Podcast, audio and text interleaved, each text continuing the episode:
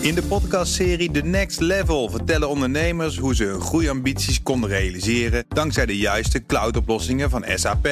Wat waren de uitdagingen, de oplossingen en hoe ging de uiteindelijke implementatie? Benieuwd naar hun verhalen en hoe zij met behulp van SAP ook hun toekomstige ambities kunnen behalen? Luister de podcast The Next Level via de BNR-app of je favoriete podcast-app. Tech Update. Joe van Buurik, goedemorgen. Hey Bas van Weer. Ja. En Connor. Ja, ja, we gaan eerst even naar het nieuws, het Ja. technieuws. En daarna gaan we weer naar de schaal van hebben. Jazeker, met iets Een eh, leuks. telefoon heb Ja. je. En wat voor Ja, telefoon? ik weet het, ik weet het al, maar we Ja, gaan het straks zien. dat is goed. De spanning stijgt in deze saga. Twitter versus Musk. En wat heeft die nu weer geroepen? Nou, dat hij eh, driekwart van het personeel wil ontslaan. En dat zijn best wel veel mensen als je 7500 personeelsleden hebt. Volgens Musk is die, eh, of nou, een groot deel daarvan dus de laan uitsturen de beste manier om kosten te besparen, meldt de Washington Post. Tegelijkertijd zou al voordat Musk zich überhaupt aandiende in deze hele saga er al een ontslagronde op stapel liggen bij Twitter om een kwart van het personeel weg te sturen en zo 800 miljoen dollar te besparen. Maar vervolgens heeft Twitter zich wel gehaast om even in een interne e-mail te zeggen afgelopen nacht dat er helemaal geen ontslagplannen zijn. Om de gemoederen een beetje te sussen. Al zijn volgens Bloomberg al wel de optiebeloningen richting medewerkers stopgezet. Ja. Maar dat zou dan weer vooral te maken hebben met die overname van Musk die toch echt lijkt te gaan gebeuren. Ja, maar wacht even, is er niemand die daar iets tegen in kan brengen? Oh, natuurlijk wel. Wat dacht je van de Biden administration? Oh. Want daar is Musk nu volop onderwerp van gesprek. Connor appte mij wakker vannacht om eh, hiervan melding te maken. Nee, niet wakker. Sorry, maar het was, het was wel even brekend nieuws. Want Bloomberg meldt dat er toenemende zorgen zijn bij de Amerikaanse overheid over de invloed van Elon Musk. En dat gaat dan niet alleen over die aanstaande overname van Twitter. Maar ook SpaceX en het Starlink-netwerk voor internet overal ter wereld. Want we weten wat hij de afgelopen dagen en weken allemaal geroepen heeft op Twitter. Over hoe de oorlog van Rusland in Oekraïne beëindigd zou moeten worden. En dan nog dat gezeur van Musk. Of ze nou wel of niet gaan doorbetalen eh, voor internetdekking via Starlink in Oekraïne. Ik zag een mooie analyse op CNN laatst van iemand die zegt van weet je wat, hij leidt een beetje aan het eh, syndroom wat heel veel hele rijke mensen hebben, namelijk dat ze denken dat ze altijd gelijk hebben. Mhm. En gecombineerd met een wat onzekere persoonlijkheid is dat eh, ja een bom. Ja, precies. Een Nou, stinkbom. Dat bedoel ik. Musk. En er wordt er nog gekeken door de Amerikaanse overheid. Dus eh, ja, of ze daar überhaupt onderzoek naar kunnen doen. Eh, eerst moet nog worden vastgesteld welke middelen ze hebben. Een aannemelijke route is eh, het kijken naar de investeerders die Musk allemaal meeneemt om Twitter te kopen. Sommige daarvan komen uit het buitenland, zoals de Saoedische print Alawat eh, bin Talal en Binance uit Shanghai. Dus ja, dan komt er buitenlands geld naar het Amerikaans bedrijf. En dat zou een mogelijkheid zijn om dat te onderzoeken. En Connor, jij bent tegenwoordig part-time overnamerechtdeskundige in Amerika eh, wel te verstaan bij BNR. Wat zeg jij? Ja, ik zou mezelf eerder eh, Muskwatcher tegen Wil en Dank noemen. Maar Ook dat. eh, ja, wat ik ervan begrijp in elk geval van, voor, als, als we kijken naar de Twitter-overname, zal dat niet echt een rol gaan spelen. Er, sta- er, er zijn allerlei clausules in die merger Ja. agreement, eigenlijk in die overname overeenkomst, waarin in principe gewoon staat, ja prima Musk, je moet gewoon dokken of eh, ja, hij moet hoe dan ook betalen, betalen voor het bedrijf of een boete betalen. Maar de financiering maakt nou- geen deel uit van de, van de Nee, merger. precies. Nee. Neemt hij het nou wel over? Eh, gaat het allemaal door? Dat weet op 28 oktober waarschijnlijk zeker. Het wordt nog een spannende Eh, week. Ja, dat wordt nog een spannende week. Dan, eh, en, de, en de Biden administration gaat dan in, in één keer daar naar kijken. Ja, dan kan dat wel gevolgen voor hem hebben, ja. Ja, nog eventjes naar dit. McLaren komt dit weekend met een gamechanger op de auto tijdens de Amerikaanse Grand Prix. Want- Geen betere motor. Nee. Ook geen betere vleugels. Of nee, niks wat de auto ook maar een duizendste van een seconde sneller maakt. Sterker nog, het kan hem langzamer maken. Oh. Want er komen videopanelen op de auto voor sponsorlogo's. dat is Ja, je verzint het niet, maar een Brits bedrijf genaamd Seamless Digital doet dat wel. En dus hoeft McLaren zich niet meer te beperken tot statische stickers, maar er kan ge- gerouleerd worden tussen sponsorlogo's. Dat zijn we natuurlijk al tijden gewend van boarding bij voetbalwedstrijden. En ook bij Formule 1 races trouwens al een paar jaar lang. Dat je sponsorlogo's ziet doorwisselen. Eh, maar het kan ook gebruikt worden voor andere toepassingen, meldt McLaren. Zoals bewegende graphics tijdens een pitstop of een safety car. Ja, leuk. Ja, we hadden het al over gewicht. Dit systeem zou dan maar 200 gram moeten wegen. Maar dat is toch nog net zoveel als een redelijke Ja. smartphone.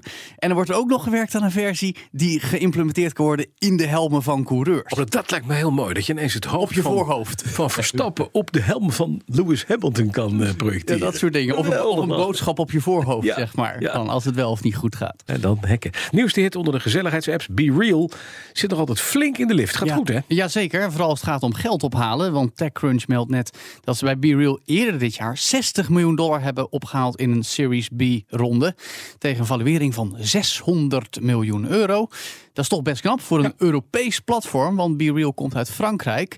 Vorig jaar juni was er al een Series A waarbij 30 miljoen werd opgehaald, geleid door Andreessen Horowitz, die we ook kennen van allerlei tech-investeringen.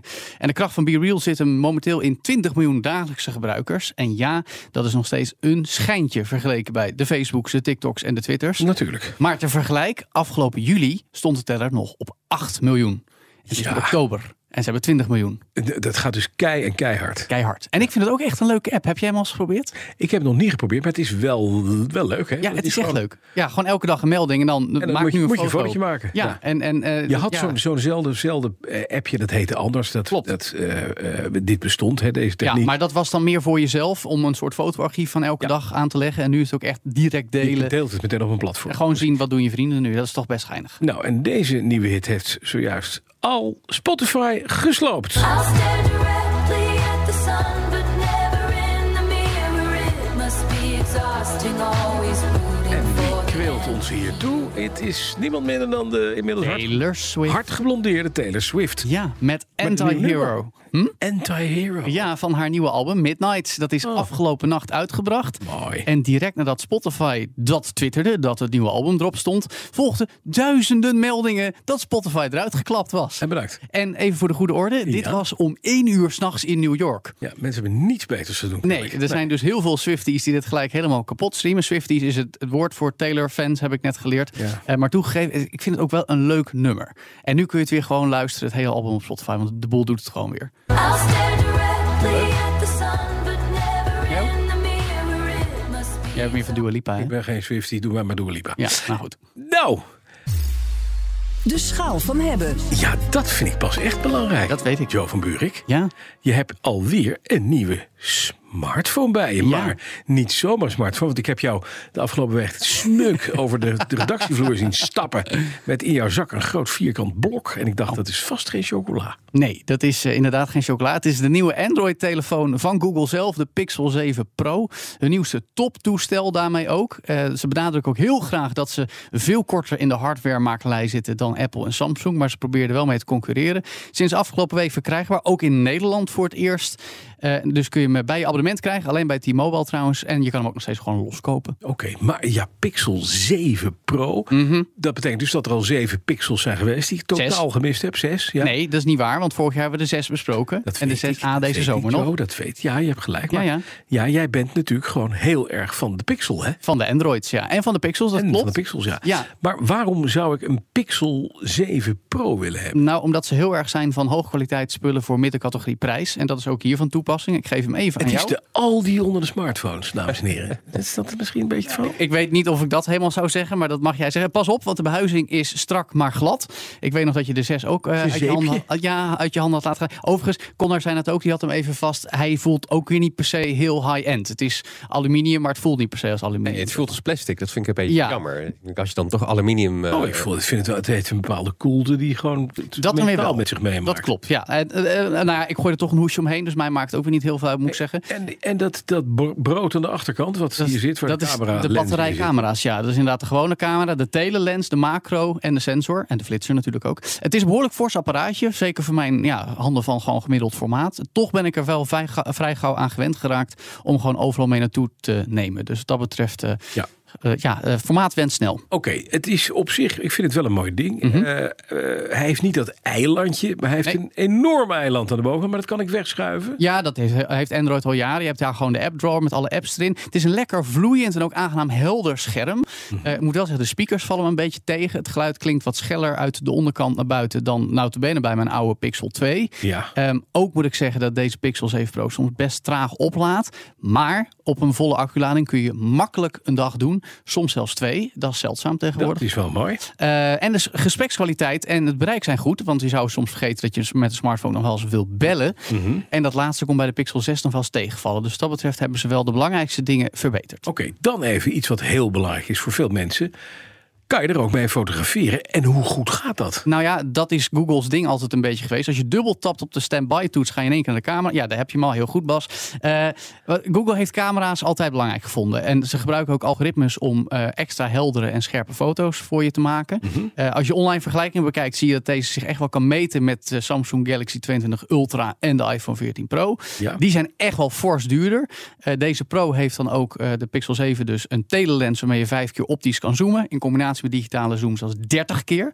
Dan kun je echt gewoon de vlag Hij op heeft dus echt een een- bewegende zoomlens. Ja. Dames en heren. Vandaar dat dat brood er ook op zit waar de lens in zit. Zeker, ja, dat klopt. Ja, ja, ja, ja. Maar goed, en vooral bij nachtfotografie is dit echt een topcamera. Mede dankzij die algoritmes. Die zorgen dan echt voor dat je hele mooie foto's krijgt. Eh, die algoritmes gebruikt Google ook voor een mooie nabewerking. Kun je storende elementen uit foto's halen. Gezichten scherper maken. Eigenlijk een soort Photoshop in het klein. Eh, het is niet altijd dat je helemaal een perfecte foto krijgt. Maar het werkt gewoon goed voor iedereen die foto's nog net even wat mooier maken. Je kan zelfs oude foto's die je hebt ingescand. Kun je verversen. op deze telefoon kun je scherper maken. Dat is wel leuk. Wat, Joe, wat is het fijn. Nou hè? Ja, nou. Hey, en eh, twee dagen gaat hij mee. Eh, Mm. camera is dus belangrijk. Echt goed. Inderdaad. Ja. Maar en, eh, ik vind het scherm ook mooi. Mooi Ja. en helder. Ja.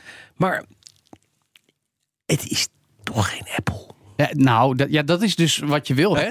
En ik weet dat Connor daar binnenkort misschien ook maar eens een keer zich over moet buigen. wat je dan bij de concurrent krijgt. Maar om toch even bij Android te blijven. Hij is heel goed, maar niet wereldschokkend. Want die Pixel 6 die we vorig jaar bespraken was ook heel erg goed. Ja. Het belangrijkste probleem is aangepakt. Dat bereik, de vingerafdrukscanner is ook verbeterd. Maar toch is het meer een facelift dan echt een complete revolutie. Oké. Anderzijds, dat kun je ook zeggen van de iPhone 14, denk ik. Maar dat moeten we binnenkort nog maar eens merken in de schaal van hebben. En eigenlijk van heel veel smartphones kun je dat tegenwoordig zeggen. Dat ze nauwelijks verbeteren ten opzichte van hun voorgangers.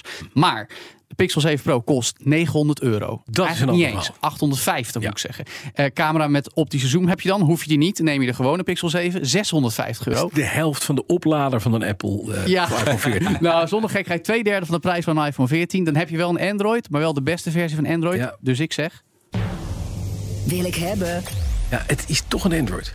dat klopt. En ik wil dat. Maar jij niet. Ja, als Apple nou gewoon even die 14 Pro, eh, ik weet dat ze graag luisteren, als Ja, ze die zeker. 14 Pro nou even opsturen, dan kunnen ze langs, eh, langs, Langs- elkaar langs testen. En dan ja. kunnen we kijken, eh, is het, is Ja. het de moeite waard om inderdaad zoveel Meer geld, uit te geven. Ja. Precies, ja, Ja. dat is toch wat van. Ik vind het maar. Zijn er ook hoesjes voor die niet uit je hand Zeker, ik heb een hele mooie leren in bestelling. Mhm, Een lederen. Ja. Oh, want deze blijft bij je. Ja, natuurlijk. De nieuwste Android-updates blijven recenseren. Helemaal goed. Dankjewel. Joe van Buurik. De BNR Tech Update wordt mede mogelijk gemaakt door Lenklen. Lenklen. Betrokken expertise, gedreven resultaat. We zijn er maandag weer. Jij niet, Connor? Want jij hebt weekend. Ja, dan zit ik eh, op de stoel van Joe weer. Ja, wou ik zeggen. Eh, ja, maar ik- nee, ik ben er ook maandag. Oh, jij bent er ook, man. we zitten met z'n tweeën. Ja, nee? Stereotech. om, om de beurt. Ik vind het mooi. Want Twitter en Elon Musk blijft ook maar Ik doorgaan. weet het niet. We gaan het zien na het weekend. Maar tot die tijd een heel fijn weekend. In de podcastserie The Next Level vertellen ondernemers hoe ze hun groeiambities konden realiseren dankzij de juiste cloudoplossingen van SAP. Wat waren de uitdagingen, de oplossingen en hoe ging de uiteindelijke implementatie? Benieuwd naar hun verhalen en hoe zij met behulp van SAP ook hun toekomstige ambities kunnen behalen? Luister de podcast The Next Level via de BNR-app of je favoriete podcast-app.